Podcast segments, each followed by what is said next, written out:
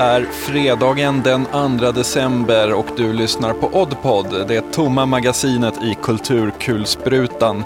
Jag heter Billy Rimgard och med mig som vanligt är Tobias Norström. Hallå. Tjena.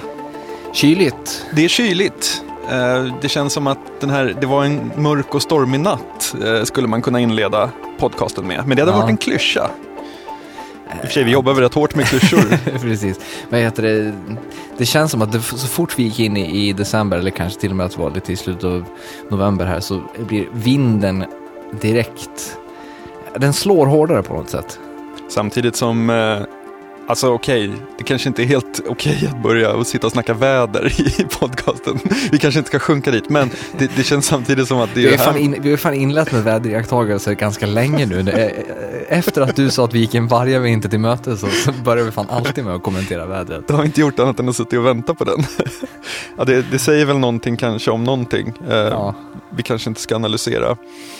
Vi kanske inte ska analysera varför. Jag tycker vi lämnar vädret därhän och konstaterar att eh, Ultimate Spiderman, samlingsvolymerna släpptes i veckan. Yes, eh, det är de där eh, Peter Parker dör Mm. Eh, jag, vet inte, jag, jag älskar ju de här serietidningssamlingarna där, som, som berättar om hur olika superhjältar dör. Jag vet inte varför riktigt. Jag har både The Death of Superman och eh, den där Captain America dör och eh, jag kommer garanterat köpa Ultimate Spider-volymen också. Eh, Det tror- finns ju en fantastisk, den där eh, Batman håller sin eh, dödsvaka och alla, eh, liksom, både allierade och skurkar kommer för att liksom pay tribute. Eh, som Neil Gaiman skrev tror jag, jag kommer inte ihåg vem som tecknar den. Ja, vad heter det? Kommer, kom, kommer du ihåg vad, vad den heter? Eh, det är Detective Stories någonting, eh, alltså det är, en, det är ett specialnummer av den eh, tidningen. Jag har den som, eh, som pdf, jag kanske kan se till att den finns i sjön på lämpligt ställe. Det tycker jag. Mm. Death of Superman är ju annars, det är en av mina favoriter, just det. Eh, den gick ju, jag tror att det är, jag tror att det är fem, de fem sista numren så gick den ju från att det var fem paneler eh, per sida till fyra paneler per sida till tre paneler per sida och sen två och sen sista numret var bara en panel per sida så det var så här stora bilder. Det är ju fantastiskt. ja, det- Men alltså, tycker- inte anledningen till att man gillar det så här att de är så sjukt oövervinnliga. De, det spelar ingen roll hur liksom dåliga odds som de har, de klarar sig alltid undan det och därför så vill man liksom se det där förlösande när man, ja den gången när de inte fixar det liksom. Jo men det är väl det, ja precis. Jag tror det också. Det är, mm, att, att det på något sätt utmanar hela konceptet med superhjälte och då blir de istället lite mindre super och lite mer hjälte på något sätt. Ja, ja men de måste ju ha, alltså Stålmannen måste ju ha sin kryptonit eh, även i den vanliga eh, berättelsen. Mm. Eh, Ja, men det är och- det är väl så så, sårbarhet liksom. Eh, har den, den, den släpptes i veckan, har du hunnit eh, läsa? Eh, alltså jag läste, jag laddade ner och läste dem där, vad heter det, i somras någon gång när, Ah. när, när de kom. Eh, de är ju bra sådär. Det är kanske inte i samma höga klass som Death of, The Death of Superman eller, eh, eller Captain America. Eh, men definitivt, definitivt bra. Eh, den nya Ultimate, Ultimate Spider-Man är också ganska bra tycker jag. Det är, mm, det är en ny kille som har tagit över. Han är ganska ung. Eh, men När det är vi- ganska lovande. När vi snackar hjältar så hände en annan grej i veckan, nämligen det att Ira Glass från This American Life skrev en eh, komplett genomgång, eller liksom han bröt ner ett avsnitt av Radiolab i liksom dess beståndsbitar. Eh, där kan man snacka om bästa av alla världar. Det var samtidigt. ditt favoritavsnitt också. Var det inte det? Jo, definitivt. Eh, St- eh, vad heter det? St- Stochasticity. Ja. Ja, men det roliga är så här att en, en av de analyser som han gör, det är det att eh, en briljant grej Radiolab gör, är att de aldrig säger att de är en science show. Och han säger att det är precis som att This American Life aldrig har sagt att det är en documentary show. Ehm, och det, alltså, av den en- enda an- anledningen till att det blir väldigt tråkigt. För han skriver så här, even I hold my breath a little before tuning in a documentary program and I make documentaries for a living. ja. Och det där gillar jag på något vis, att man in, alltså att, att inte etikettera sig och därför bli någonting större än, än etiketten. Mm. Eh, det kan jag ju känna så här, vår, eh, vi, vi, vi brandade ju oss som en kulturpodcast bara för att vara en lite en nagel i ögat på alla som tycker sig ha ensamrätt på ordet kultur. Eh, Man undrar hur många som har vänt i dörren på, på det. Ja, förhoppningsvis, det känns som att de som vänder i dörren, det är de vi vill ska vända i dörren också på något sätt. Ja, kanske. men, men samtidigt så kanske det finns jättemycket skönt folk som så här, skulle kunna gilla det, som tänker så här, kulturpodcast. Oh.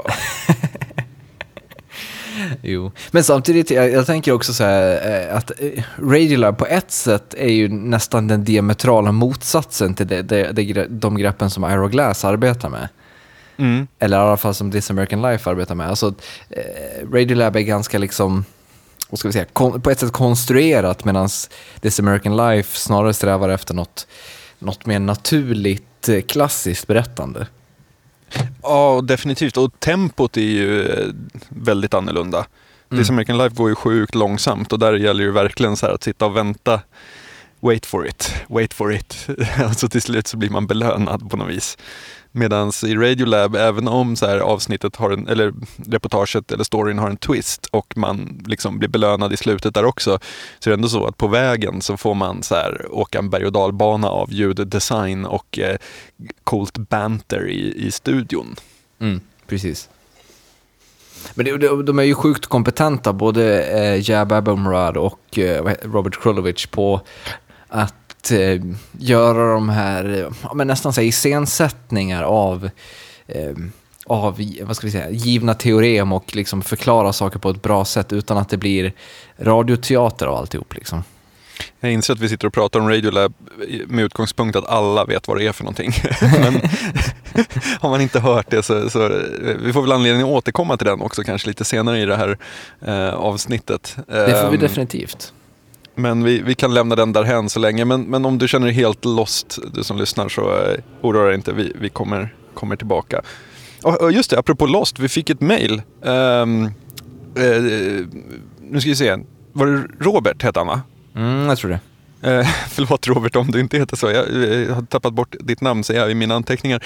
Ehm, som håller på att se Lost nu och eh, har noterat att vi extremt ofta återkommer till det i någon, någon, nå- på något sätt som så referens. Eh, när vi diskuterar, eh, vi använder det som någon slags vikt kanske och viktar andra eh, fenomen emot. Mm. Eh, och därmed har vi spoilat kanske lite för, för de som kollar ikapp nu.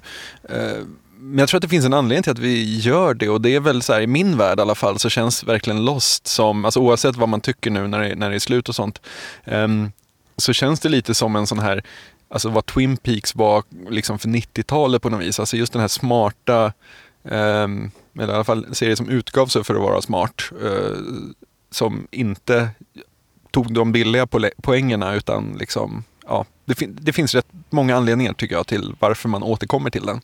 Ja, och det, det känns som en serie som på, på, i vissa avseenden i alla fall inte går att spoila för att den var så sjukt omtalad när den väl gick. Eh, det känns som att alla hörde talas om den när den gick och de flesta fick nog reda på mer än vad de ville veta, av de, alltså de som inte såg serien. Så att det, även ifall vi är ganska eh, frekvent spoilar och pratar om serien så, så är vi ju liksom långt ifrån ensamma att ha spoilat den på något sätt.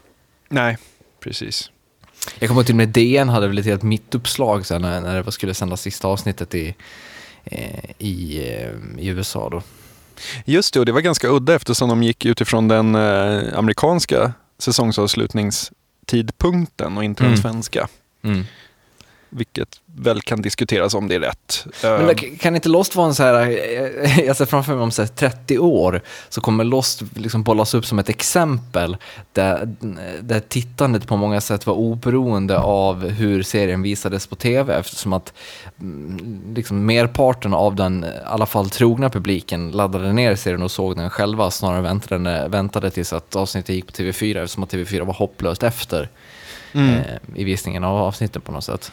Ja, definitivt ett av de, eh, en av de tv-serier som kanske förändrade sättet som serier distribueras på. För att året, alltså de serier som följde åren därpå, ehm, kommer inte ihåg exakt nu, var Prison Break ett år efter eller var det samma år? Ja, skitsamma, men det, det, började komma mycket tätare in på att man exporterade avsnitten utomlands bara kanske en eller två veckor efter. Jag tror Eh. dock att i just det fallet så tror jag att eh, Vänner, alltså Friends, var ledande. För där vet jag att kanal 5 låg så en vecka efter för att TV, den serien var så sjukt stor. Jaha. Eh, Ja. Så, så att, det, det kanske inte kom med Lost, men, men eh, definitivt att det förändrades radikalt eh, där i kring någon gång, Mm. skulle jag säga. Men eh, ja, Apropå tv-serier så har vi ju faktiskt, eh, Terra Nova Update. som idag utgår. För det är inget nytt att rapportera. jag har hört att, att, att, att serien ska ha landat i sig själv lite grann.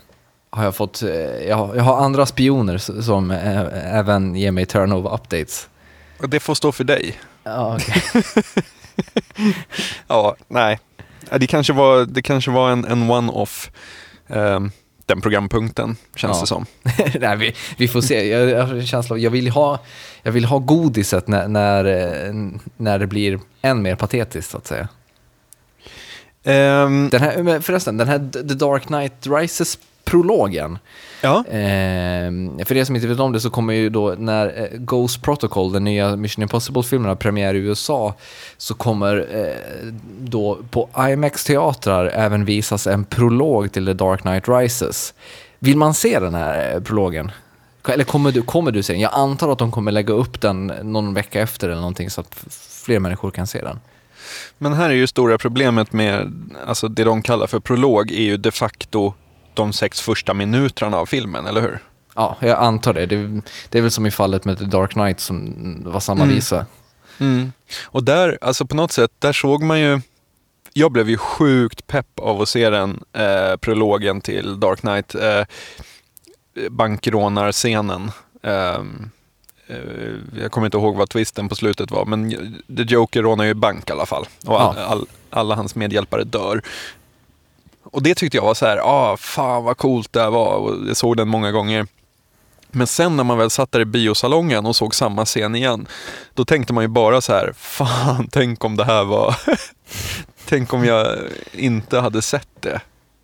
Ja, på ett sätt är det ju så. Jag kan känna igen mig i det. Alltså, det, men å andra sidan, kommer de, de kan ju inte avslöja no någonting eh, Alltså de kommer inte avslöja någonting som har med filmen att göra, det känns det som. Det kommer väl kanske vara säkert att man får se Bane eller någonting. Ja, det är den här stämningssättande första, alltså action, mm, alla stora filmer börjar med en bang nu för tiden. Så det är väl den här inledande actionscenen som sätter tonen för filmen innan förtexterna typ. Mm. Det är väl inga förtexter på The Dark Knight dock. Det är sant. Det Så det, det kommer det säkert inte vara på Dark Knight Rises heller. Men jag, alltså jag säger nu att jag kommer vara skeptisk om jag kommer se den. Jag vet ju att jag kommer ju se den.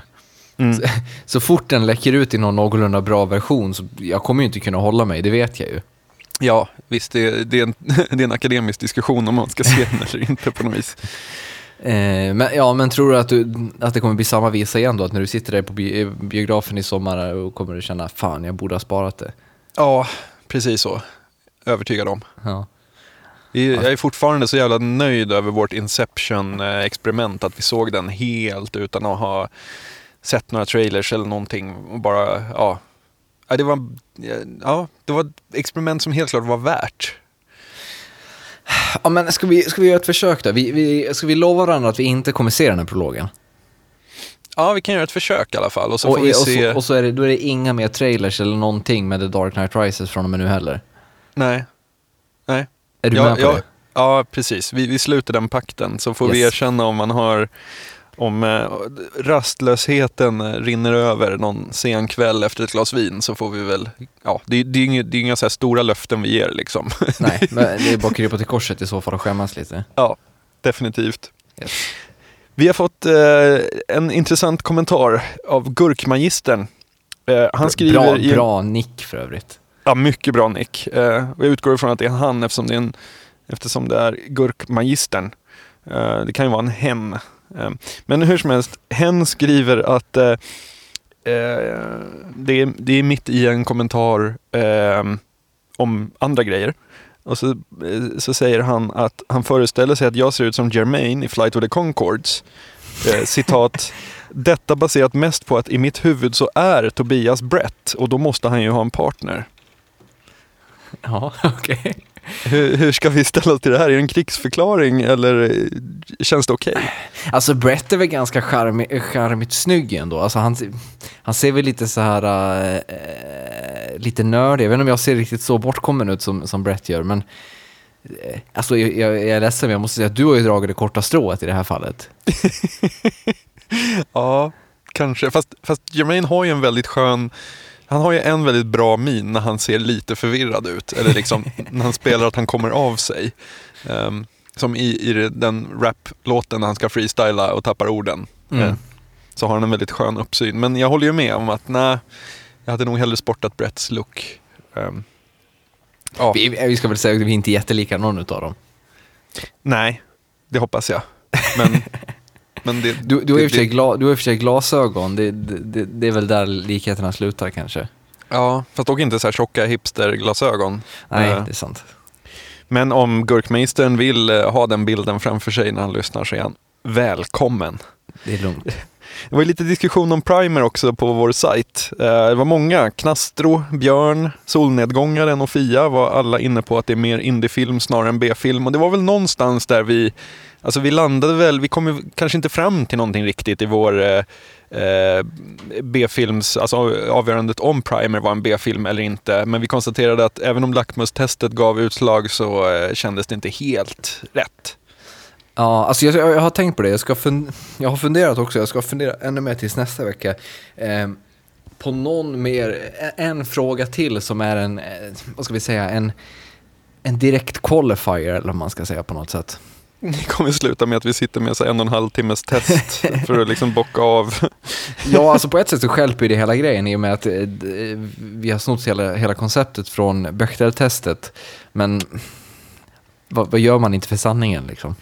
Jordi postade och, och han, hade, han har kommit på ett mer exakt test på huruvida en film är dålig.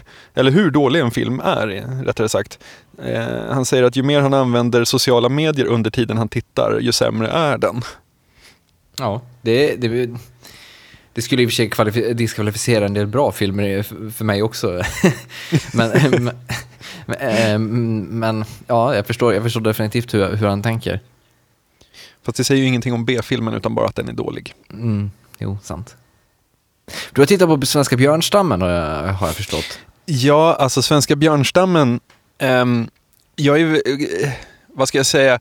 Jag tycker inte illa om deras musik, uh, men jag tycker heller inte om den. Det är verkligen, alltså den, den, den lämnar mig ganska oberörd. Jag förstår varför den är så här fantastisk att häva öl till och varför de blir så här stora. Liksom. Jag, fattar att, jag fattar att det är en grej som folk går igång på. Eh, själv har jag varit neutral, så där. inte stört mig på det som vissa gör heller, utan ja, men så här, Ja, men det är väl, jag, jag tycker det, det, det finns en intressant aspekt av att ett band eh, eller ett kollektiv eller vad de nu är, kreativt kollektiv, att de kommer liksom från eh, verkligen så här från offside och lyckas bli så jävla stora. Det var, deras låt den här Vart jag mig i världen vänder, den var ju tredje mest spelade låten på Spotify internationellt i Jäklar. somras. Liksom. Helt sinnessjukt. Men sen idag så upptäckte jag att de förra året släppte en dokumentärfilm som heter Inte nudda mark. Som handlar om när de bygger en zeppelinare.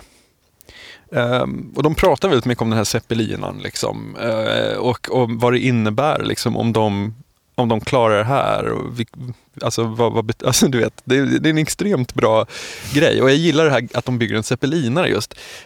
Och ja, men konceptuellt så är de ju helt klart ett nytt uh, i teorin är de ett nytt favoritband på grund av den zeppelinan.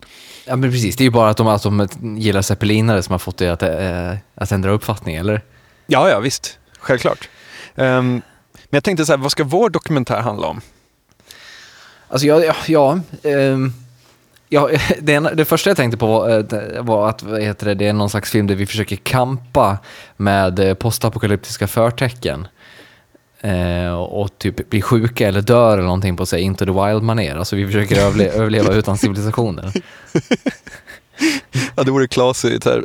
Dag två försöker man fälla ett träd och bli krossad. Det, Ja. ja, men för det känns som att om vi skulle ge oss på den grejen så alltså att, att vi dör är ju ingen högoddsare direkt. Nej. Ja, men så jag, jag släppte det igen för det kändes ganska osäkert och så tänkte jag att det istället blir någon, någon slags eh, clerks-dräpa där vi åker runt i USA och sitter på olika barer och diskuterar om eh, T1000, TX eller T800 är häftigast eller någonting sånt. Mm. Jag kan också se mig framför att eh, jag ser framför mig någon slags presentation med overhead-bilder där vi liksom jobbar med någon konspirationsteori.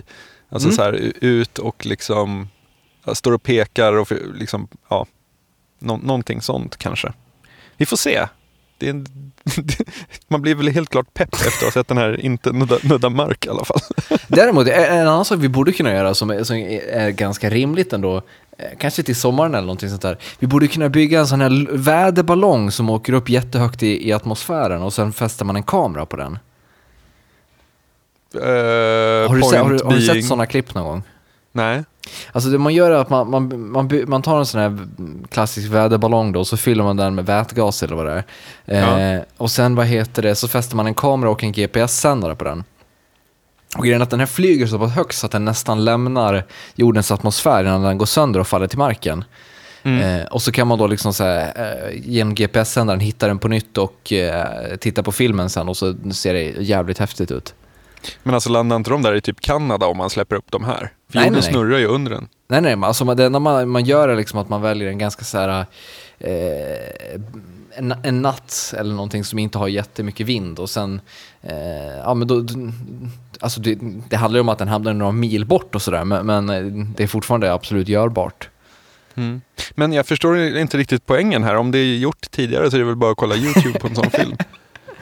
Men det känns som att säga, kolla, hej, här är vi, hej, hej då, och sen så liksom, ja, sen är det bara en väderballongsfilm som Alltså jag vill inte göra dig besviken Billy, men uh, overhead-föreläsningar uh, om konspirationsteorier har också gjorts tidigare.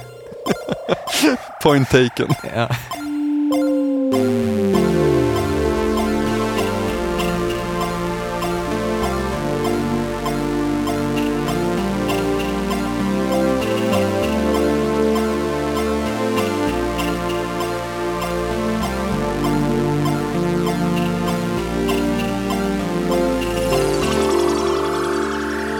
Häromveckan så fick Obiter Dictum säll, nytt sällskap i eh, podcastfloran av Vad blir det för rap? Eh, en nystartad podcast om rapmusik som görs av tre sjukt kompetenta människor. Eh, det är ett sådant specialiserat program som jag tror i alla fall aldrig skulle kunna sändas i marksänd radio utan skulle med största sannolikhet ses som för smalt och internt. Kanske precis som Oddpod, eller? Ja, men vad blir det för rap har i alla fall en innehållsförteckning. Alltså det handlar om rap. Jag skulle inte bli förvånad om så här, Sveriges Radio eller något plockar upp den och kör den som så här webbinnehåll åtminstone. Jag vet inte riktigt vad vår innehållsförteckning är. Två Jo, dudes alltså det- pratar ibland om Batman. De- Definitivt, men det, var, det, det vad blir det för rap eh, kan göra när med en podcast, det är att de eh, kan ju vara så, vad ska vi säga, alltså de kan ju vara hur smala de vill och de behöver inte förklara någonting på samma sätt som ett Sveriges Radio, radioprogram skulle behöva göra. Man behöver inte ha den här, det här didaktiska greppet där man liksom redogör för vilka olika personer det är, utan det är bara att typ, prata med varandra och namedroppa. Ja, Ja. jo, Men Vi absolut. har varit aktiva ett tag nu. Mm. Eh, bloggarna Erik och David har också startat också en podcast för några månader sedan som heter Kill the Darling. Eh, och sen har vi en rad olika spelpodcaster som Radio Speltorsk och flera. Eh, jag glömmer säkert massor nu, men vad, vad tror du? Är det början på en svensk podcastscen vi ser så sakteliga ta form? Jag skulle kunna tänka mig det, verkligen. Men jag skulle också kunna tänka mig att den podcastscenen kommer bli lite som så svenska serietecknarscenen. Att den innehåller massa talang och bra grejer men ingen bryr sig utanför liksom, de som är verksamma. Men det, vad, tror du det beror på då? Alltså, jag, jag tänker mig att ehm, eh, alltså i USA så är ju podcastgrejen ganska stor ändå. Det handlar väl om att man alltid kan få en publik i USA. Eh, Mm. det- samtidigt, i Sverige, alla har ju iPhones. Eller ja, alla Jo, har inte iPhones, men precis. väldigt många har iPhones. Så att egentligen, det borde väl finnas en plattform, eller? Jo, fast jag tror så här också att alltså, USA, eh, eh, precis som du säger, alltså, allt kan bli stort i USA därför att det finns så himla många människor att tilltala. Men sen så finns det en annan grej i USA som jag tror skiljer Sver- Sverige. Dels åker de bil väldigt mycket och väldigt långt. Alltså de pendlar två timmar till jobbet i bil. Det är inget ovanligt även om du liksom ja, både bor och jobbar i LA så tar det två timmar att åka. Liksom. Ehm, sen har de också en tradition av pratradio som inte är P1. Det har ju inte vi riktigt i Sverige. Vi börjar se det nu. Liksom. Alltså, ehm, Radio, One- eller Radio 1 har startat och jag menar på P3 finns det ju- Radio One. Radio One, ja, men det, det är förbryllande när det står radio och sen en etta. Då går man direkt på primalinstinkten och säger Radio One. Ehm, eh, Eh, P3 har ju haft eh, så här morgonpasset och sådana talkshows ett bra tag, men det är ändå så här bryter av med musik och, och sådana saker. Um, men just den här Howard Stern-pratradion, eller vad man ska säga, eh, eh, är ju de, alltså pratradio som inte är eh, tankar för dagen i P1. Den eh, är ju de vana vid. Så att jag tror, eh, därför så tror jag också att, att, att podcastlyssnande är mycket större. Men framför allt så handlar det ju om den här kritiska massan. Eh, det tror jag talar emot eh, att det ska bli stort i Sverige. Vi är för få liksom. Men kan det inte bli som typ någon slags eh, lite mindre bloggscen då, eller vad man ska säga? Alltså att eh, det är någonting som finns där i periferin men som onekligen påverkar eh, det stora hela ändå. Alltså, jag vet inte, bland mig och mina bekanta så mm, läser ju alla bloggar, men eh, alltså frågar jag mina föräldrar eller någonting så, här, så vet de ju knappt vad en blogg är, det gjorde de väl, men eh, de lä- läser väl inga aktivt så. Och jag tror att ute i landet så, även om folk läser någon enstaka blogg, så tror jag att bloggkonsumerandet är ganska begränsat. Ja. Tror Jo, att det kan men- vara samma sak, mm, jag tror att podcastscenen kan gå samma öde till mötes. Alltså jag tror så här att podd, fördelen med podcast, precis som du sa här tidigare, det är att de kan vara så sjukt nisch, nischade på en eh, ganska begränsad eh, grej. Så jag menar först, eh, det, det är ju bra därför att innehållet blir ju mycket roligare då. Men en annan aspekt av det är ju liksom hur många man kan nå. För jag menar först verkar du i en nisch av folk som är intresserade av en speciell grej. Om vi tar oss som exempel, eh, det vi pratar om liksom, totalt i Sverige, alltså av av alla i Sverige, hur många skulle vara intresserade av det vi gör? Kan det vara kanske 400 000? Är det rimligt? Mm, kanske. Ja, någonstans där. Alltså av ämnena vi pratar om. Liksom. Eh, Mm. Och sen då, av de 400 000 så ska hur många, eh, liksom, hur många av de 400 000 är det som är podcastlyssnare och som aktivt lyssnar på podcasts? Liksom? Det är ju idag 10 en procent väldigt, säger vi. Ja, 10 procent. Det är 40 000. Fast det, det, det blir lite, lite skevt också med tanke på att jag tror att vår eh, publik, eller vår... Eh, Vårt ämne, med, ja. med, med, med äckliga marknadstermer, vår målgrupp. Vår reach. ja. Eh, jag tror att de är, är liksom överrep överrepresenterade i podcastkonsumtionen också på ett sätt. Ja, definitivt. definitivt.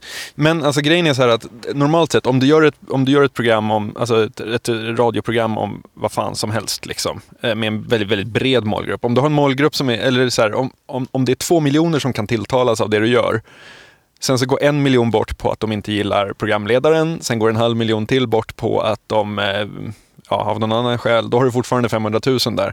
Men när man börjar så här skala bort att så här, okay, så här många är intresserade av det, så här många av dem lyssnar på podcasts, eh, så här många av dem gillar, eh, tycker att vår form att prata om de ämnena är bra och sen då av dem som är kvar, hur många orkar lyssna på dig och mig hålla på och tjabba liksom. Är det Alltså, 12 där- personer kvar ungefär. Men det är det som är, när det gäller podcasternas möjlighet att växa så tror jag att det är så att eftersom man är benägen att börja väldigt nischat och inringat och så här eh, utan några som helst hänsyn till eh, eh, till att nå många så blir det också så att antalet man kan nå är väldigt, väldigt få. För även om du startar en, en podcast om så här knyppling, vilket jättemånga är intresserade av, då når du ändå bara de som är intresserade av knyppling och är invanda podcastlyssnare. Men du tror inte att det kommer förändras då? Att vad heter det? Ja, men att liksom hela podcastgrejen blir mer accepterad. Jo, du menar att det finns ett stort motstånd mot alla som Nej, podcastar? okej då. eh, eh, Acceptera kanske fel, eh, fel uttryck, men att den mer blir en del av något slags mainstream, eller vad man vill säga. Alltså grejen är att det sättet som jag lyssnar på podcasts, att jag så här, när jag lämnar min, eh, min trapp uppgång och går ut på gatan så kollar jag i min telefon och ser vilka nya avsnitt som har kommit och blir jätteglad när jag upptäcker att wow, ett nytt av det här eller oj, ett nytt sånt här. Ehm, det är ju ett extremt trevligt sätt att lyssna på tycker jag för att det är, ehm, ja, det, man behöver inte tänka, men man får ändå alltid jävligt hög kvalitet på det man får. Däremot så såg jag nu att NPR har lanserat en skitcool tjänst i veckan som d- den streamar ut alltså, eh, det, det är en radiostreamingtjänst från NPR eh, som baserat på dina intressen st- eh, streamar en ehm, eh, aldrig sinande stream av reportage, intervjuer, dokumentärer och sånt baserat på vad du gillar. Det är lite så Last FM Radio-tänket. Ja, precis. Fast du kan då göra tumme upp och tumme ner under tiden du lyssnar och så lär den sig. Och sådana varianter kan man ju tänka sig blir konkurrens till eh, podcasterna. Alltså om radioföretagen lär sig att så här, rikta sitt innehåll istället för att skjuta bombmattor brett. Mm. Alltså vi jämför ju direkt här med radion. Det, det, och det, är väl, det är väl naturligt på något sätt i och med att det är liksom, båda är, eh, vad ska vi säga, ljudmedier eller vad man vill kalla det. Men jag vet inte om jag tycker att det är egentligen en rätt form att, att, eh, att jämföra med. För det känns, det, alltså det känns som att själva grundbulten i radio eh, är liksom så, så diametralt motsats grundbulten i podcast. Alltså bara en sån sak som att radio är ju liksom någonting som sänds medan podcast är någonting som är liksom helt on demand. Gör Mm. ju att, att de får extremt olika funktioner. Givetvis, men samtidigt är det så här redaktionell radio. Eh, vi nämnde Radiolab här tidigare. Eh, och det är ju alltså ett, eh, vi, kanske ska reda ut det innan vi går, går vidare. Det är ett vetenskapsprogram som sänds på, eh, på amerikanska public radion eh, som är extremt eh, så här, experimentellt och kreativt klippt. Så att de berättar eh, vetenskapshistorier på ett otroligt roligt sätt. Och på ett Ehm, sätt som vi aldrig skulle vara kapabla till att göra. Nej, definitivt. definitivt. Ehm, och grejen är att den lyssnar ju du och jag på som podcast. Uh, fast det, det är ju egentligen ett program som sänds i ehm, amerika, eh, amerikanska radion. Mm. Ehm, och det blir ju på något sätt så att, alltså, det, ja, jag håller med om att podcasts inte är radio. Men samtidigt så finns det ju faktiskt vissa grepp som radion har förfinat under 60-70 års tid. ehm, som inte är så dumma att jobba med i podcastform också därför att det följer vissa så här, ja vad ska man säga, grundläggande regler om hur information lämnas ut eller vad man ska Ja, säga. de, definitivt, men jag skulle säga att Radiolab eh, leker mer med, eh, med, med dess egenskap som ett on-demand-program än vad det gör som ett sänt medie. Ja, Alltså alla de greppen de utnyttjar. Alltså alla de greppen de utnyttjar. Ingenting att göra med sändning. Har ju ingenting att göra med sändning. Alltså, allting bandas, allting redigeras stenhårt, stenhårt, stenhårt. Det, det är väldigt, har ju väldigt lite med en person som sitter och live-pratar med någon annan person i radio att göra. Jo, jo, absolut. Men alltså, det jag tänkte på var så här. Jag lyssnade på ett par gamla avsnitt, alltså runt 17-18 någonting av våran, eh, av Oddpod. Och där så hade vi en stint på typ 3-4 avsnitt där vi presenterade de tre ämnena vi skulle prata om i början. Idag ska vi prata om det här och sen blir det lite om det här och sen om det här.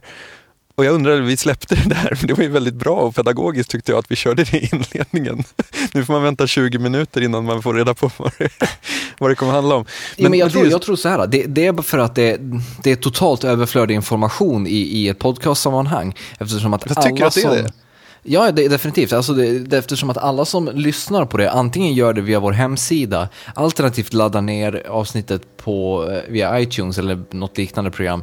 Eh, och där står ju den informationen om vad avsnittet innehåller. Jo, fast jag menar hur ofta läser man den innan man lyssnar? Alltid. Jaha. Ja, det gör, det gör väldigt sällan jag. Eller ja, okej, tänk- men, vi men- kan väl säga så här, om det är program som ha- har en ganska så här fast form. Ja. Eh, d- till exempel, vi lyssnar båda på Hollywood, båda på Hollywood Babylon, Kevin Smith och Ralph Garmans, eh, vad ska vi säga, nöjesprogram.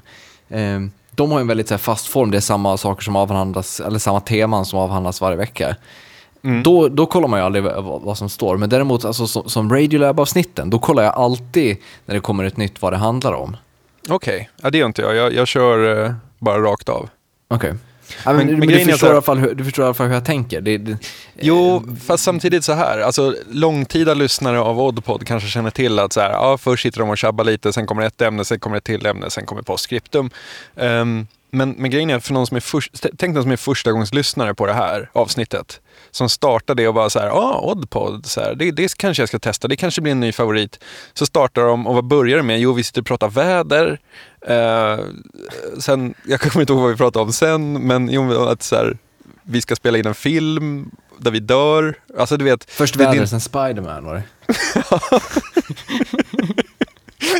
högt och lågt. Ja men liksom, ehm, alltså det, det, finns ju faktiskt en poäng med att börja med ett, ett riktigt liksom sånt löp som det heter på radiospråk och berätta så här Hej och välkommen, vi heter det här, idag kommer det handla om det här. Och sen kan Jag man tycker, sitta och jag, tjabba jag lite. tycker du är reaktionär och grå nu Billy. du har blivit skadad i och med att du har börjat jobba på musikenheten i P3. Det, det hör jag det. det du, du, du bollar ju själv upp liksom Radiolab som bra för att det är nyskapande och lek, leker med estetiken. Det, det är precis det vi gör när vi, när vi, inte, när vi bara kastar oss in utan skyddsnät in, in i de mest obskyra eh, träskmarkerna. Ja, men alltså grejen är att okej, det finns ju någonting väldigt kompromisslöst i att bara så här, trycka record och köra. Alltså så här, som lyssnare så är man ju antingen med på resan liksom hela vägen eller så kliver man av efter första kapitlet. Så fan, vi kanske är lite som så här bröderna Kamarasov när man tänker på det. Eller hur? Det är så jag... Det, det, nu, nu, nu, nu låter det bra. Det här vill jag höra mer. Ja men grejen är så här att som eh, This American Life som vi pratade om, eh, han Ira Glass, programledaren där, hans löp, eh, han är ju sånt jävla proffs på det. Och grejen är, han, hans, hans snack i början av varje This American Life, det är ju så jävla fett så att det är ofta mycket bättre än eh, reportagen som kommer sen. De där första fem minuterna, det är det göttiga man vill åt liksom. Jo, jo men det är för att, för att Ira Glass, han är ju sån otrolig, eh, på författarspråk, stilist. Jo, Det finns Självklart. ju, alltså, i, i Sverige så finns det väl kanske Kjell Arlinge, sen är det väl ingen mer som, som liksom klarar av att på samma sätt slå an en ton liksom. Mats Nileskär. Ja, Mats Nileskär också men, men, men grejen är så här att eh, det jag menar är att när man, alltså, när man kommer till så här, This American Life första gången och hör han, hans introduktion ehm, så är man ju fast. Då måste man ju lyssna. Eh, och podcasten kan, alltså det som talar emot att vi bygger en podcastscen, om vi ska liksom, ehm, eller att vi bygger, att det är en podcastscen är på gång ehm, i Sverige. Det som talar emot det är ju att när frifräsare som vi och andra gör liksom nischpodcaster om ämnen man gillar sådär, när man då frångår alla sådana eh, beprövade metoder eh, så är det ändå så här, det blir ju ändå ganska otillgängligt. Alltså om, jag, jag gillar det här att man, man, man gör en podcast på premissen så här, ja, vi är tre personer som sitter och babblar om det här i två timmar och det brukar bli en ganska trevlig stund. Alltså jag gillar att man så här, om det är premissen för vad man gör så gillar jag eh, det är ett jättebra utgångsläge. Jag säger inte att man måste ha uttänkt utan det är bättre att göra än att inte göra. Men just det här, eh, den svårtillgängligheten som det också innebär, eh, tror jag gör att det är svårt att få ett sånt genomslag på podcast som exempelvis det är i USA. Mm. Men om vi avslutningsvis här då, kanske vad heter det, mm, nämner några av de podcasterna vi, lys vi lyssnar på och varför vi lyssnar på dem. Mm. Eh, Jag gillar en podcast väldigt mycket som heter Plastic Podcast, som i princip aldrig uppdateras. Aldrig. Alltså de, de kommer ut med så här två, tre avsnitt per år. Oj. Eh, Det är en Är- filmpodcast i alla fall, eh, men nu kommer jag inte ihåg, eftersom att det var så länge sedan jag lyssnade på den senast så kommer jag inte ens ihåg vad de två som har den heter. Men det, de, är, de är liksom eh, journalister och extremt pålästa om film och mm, ja, så fort de har sett en film som de tycker är värd att prata om så sätter de sig ner och pratar om den i eh, typ 40 minuter på ett sjukt insatt och sjukt genomarbetat sätt. Eh, senaste avsnittet kom i eh, slutet av februari och handlade om Black Swan. Eh, Mm. Så jag antar att det kommer något eh, ja, nytt avsnitt nu när, det, när vi går mot typ Oscarstider eller någonting sånt typ. En av mina favoriter det är Planet Money som är NPRs Ehm, um, NPRs ekonomiredaktion som gör så här inslag för Morning Edition och All Things Considered, de har också en egen podcast där de gör mycket mer än de här kortare inslagen som de gör i nyhetssändningarna. Uh, och det är alltid så jävla coola vinklar på ekonomiska eh, Alltså det låter tråkigt med en ekonomipodcast, men, men vinklarna de gör, tar är alltid så otroligt bra. Vi har ju nämnt dem vid flera gång, tillfällen här i, i Oddpod också. Um, just det här, exempelvis man får följa med bakom kulisserna när så här, um, Rihannas uh, Man Down, hur den skapades och ekonomin bakom vad det är som kostar i att ta fram en sån Billboard-hit. Uh, väldigt, alltid bra vinklar, det gillar jag. Mm. Eh, vi kanske även ska nämna eh, Tank Riot. Definitivt. Det är ju den, en, eh... den är väl kanske på några, några sätt i alla fall lite av en förebild för oss nästan. Ja, ja, det får stå alltså, för kan, dig.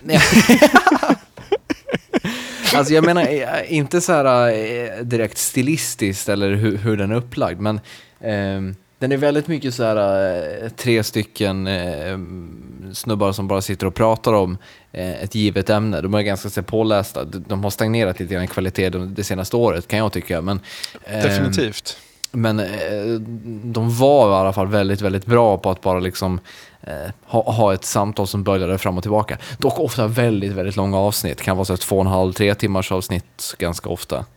Och det kan bli ganska berusat i den sista en och en halv timmen. Ja, de eh, brukar ofta sitta och prova olika öler och sånt medan de spelar in, vilket brukar märkas. Men de rör sig helt klart i samma så här referensområde som vi gör. Lite konspirationsteorier, lite film, lite ja, så mm. Ja, men tematiskt så är de väl i alla fall eh, någon slags, de är besläktade i alla fall. Mm.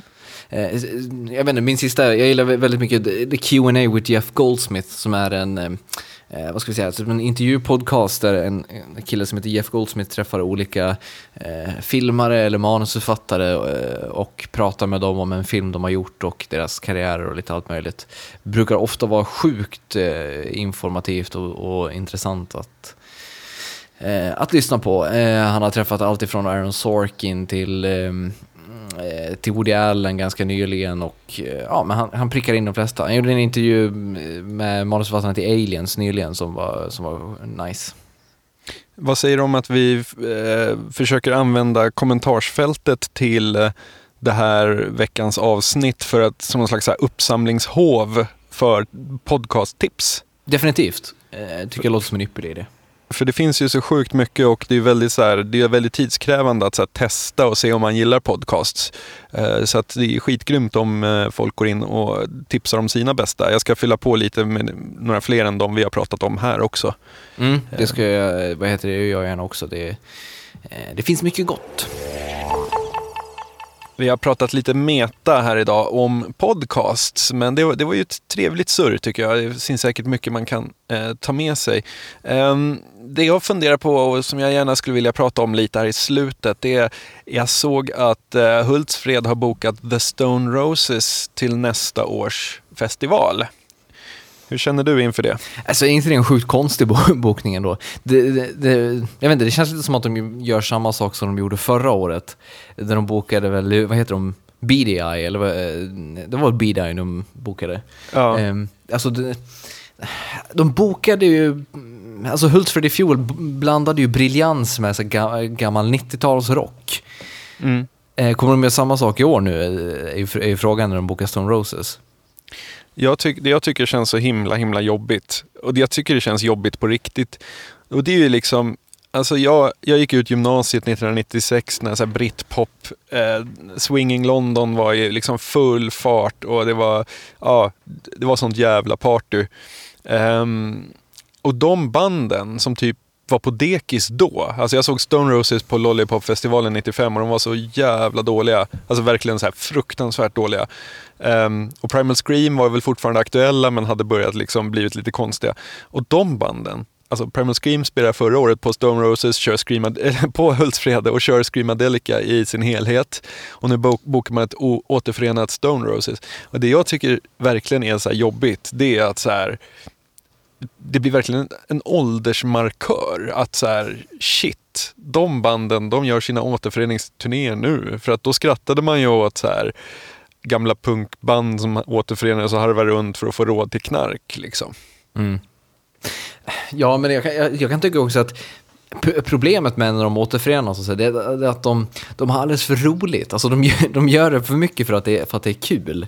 Ja. Eh, antingen är det för att det är kul eller för, eller för pengarna. Det finns liksom ingen, inte nå den här eh, passionen, eller vad man ska säga. Stone Roses kanske inte präglas av passion, men eh, den attityden i alla fall som fanns när de liksom var aktiva förr, den är liksom ett minne blott och nu är det bara eh, typ vi gör det igen-grejen som, som lockar på något sätt. Men de blir ett så här pubrockband som gör covers på sig själva på något vis. Ja men typ. Ja. Eh, Jag såg New Order på, på Cirkus här i Stockholm eh, 99, nej 2002 var det nog. Och Peter Hook stod och skrek eh, Yeeha! över refrängen i Love Will Tear Us Apart. och man bara, den här låten var inte menad att skrikas Yeeha över. Liksom. Ian Curtis vände sig i graven. Han roterade så här 900 grader i graven. Dubbel mollbergare. Men eh, även Justice är ju glada för Hultsfred. Mm. Det känns väl som bokningen i, i det här paketet som ska vara fräsch, eller? De som släpper sitt lite an- mögiga andra album, som, ja, halvtråkigt liksom. ja, jo. Eh, alltså förra året så var det ändå så här bisarr blandning som du sa, att man, man körde de här lite, ja, eh, vad ska man säga, de som appellerar till någon slags köpstark publik som borde vara runt 35 nu. Eh, och blandade det med ganska så otippade grejer, liksom. Att de hade Odd Future-folket och sådana saker.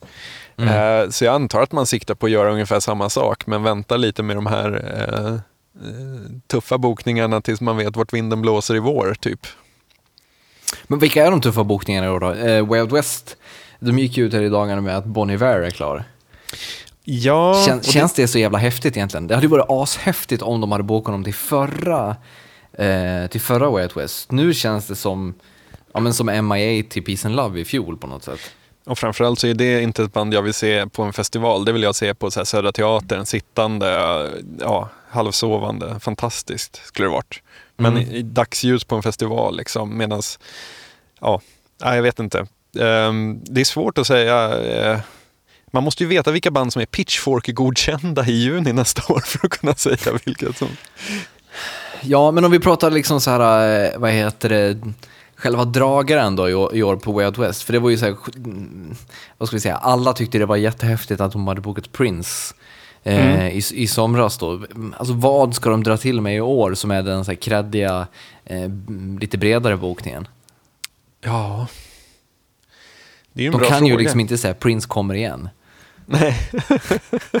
och Kanye kan ju inte heller komma för tredje året i rad. Um, nej, jag vet inte. Alltså det finns ju, det, det finns ju en uppsjö av, eh, av folk som de skulle kunna boka. Uh, fast det frågan är ju bara vad? Björk? Fast det skulle kännas så jävla tråkigt. Fruktansvärt tråkigt. Um, ja, men alltså det, det där är ju ett av, det man får komma ihåg är att Way Out West också ligger samma eh, helg som Flow-festivalen och Flow i Helsingfors, den var ju helt sinnessjuk förra året, eller i år menar jag, 2011. Det var ju så grym jävla line-up. Alltså när man började, jag började titta på deras sajt så här, och bara shit, bokar de de här och de här och de här.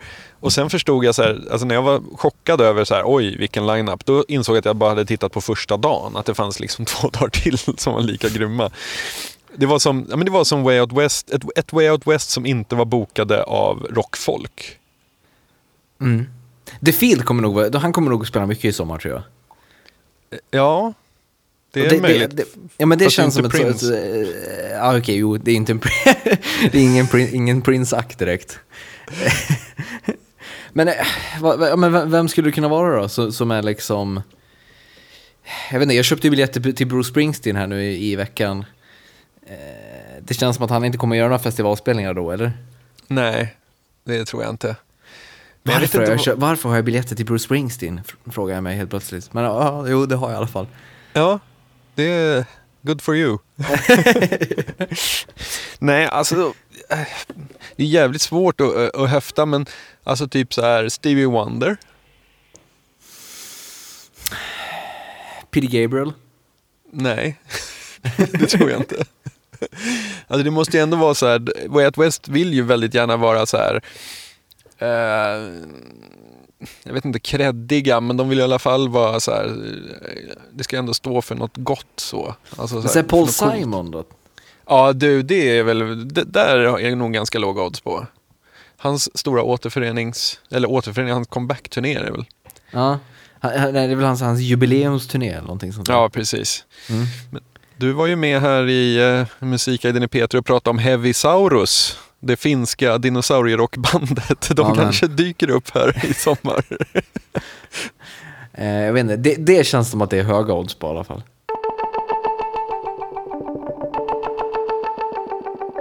Och med det så har det blivit dags att runda av som vanligt med postskriptum. Ehm, och jag tänkte tipsa om en intervju med Alan Moore i eh, Guardian som publicerades här i, för några dagar sedan. Den, den handlar mycket om den vi-masken som eh, Warner Bros tjänar alla pengar på men som eh, ju först figurerade i Alan Moores V for Vendetta. Han har mycket intressant att säga som vanligt. Han, han, eh, det, är, det är en man som har en speciell syn på världen och eh, det genomsyrar självklart hans idéer om eh, vad man nu gör med V for Vendetta och Vis ansikte. Och jag skulle vilja tipsa om en uh, artikel i Scientific American. Uh, det finns en extremt lång artikel som heter This Way to Mars som handlar om så här hur, eh, hur eh, det nu är möjligt att eh, skicka bemannade rymdfärder långt. Men det är inte den, alltså den är så sjukt lång och lite för torrt skriven för att den verkligen ska vara läsvärd. Men med den så finns det en så här interactive feature som heter Deep Space Breaking the Barrier. Ehm, som är en väldigt cool, eh, cool liten sak de har snickrat ihop.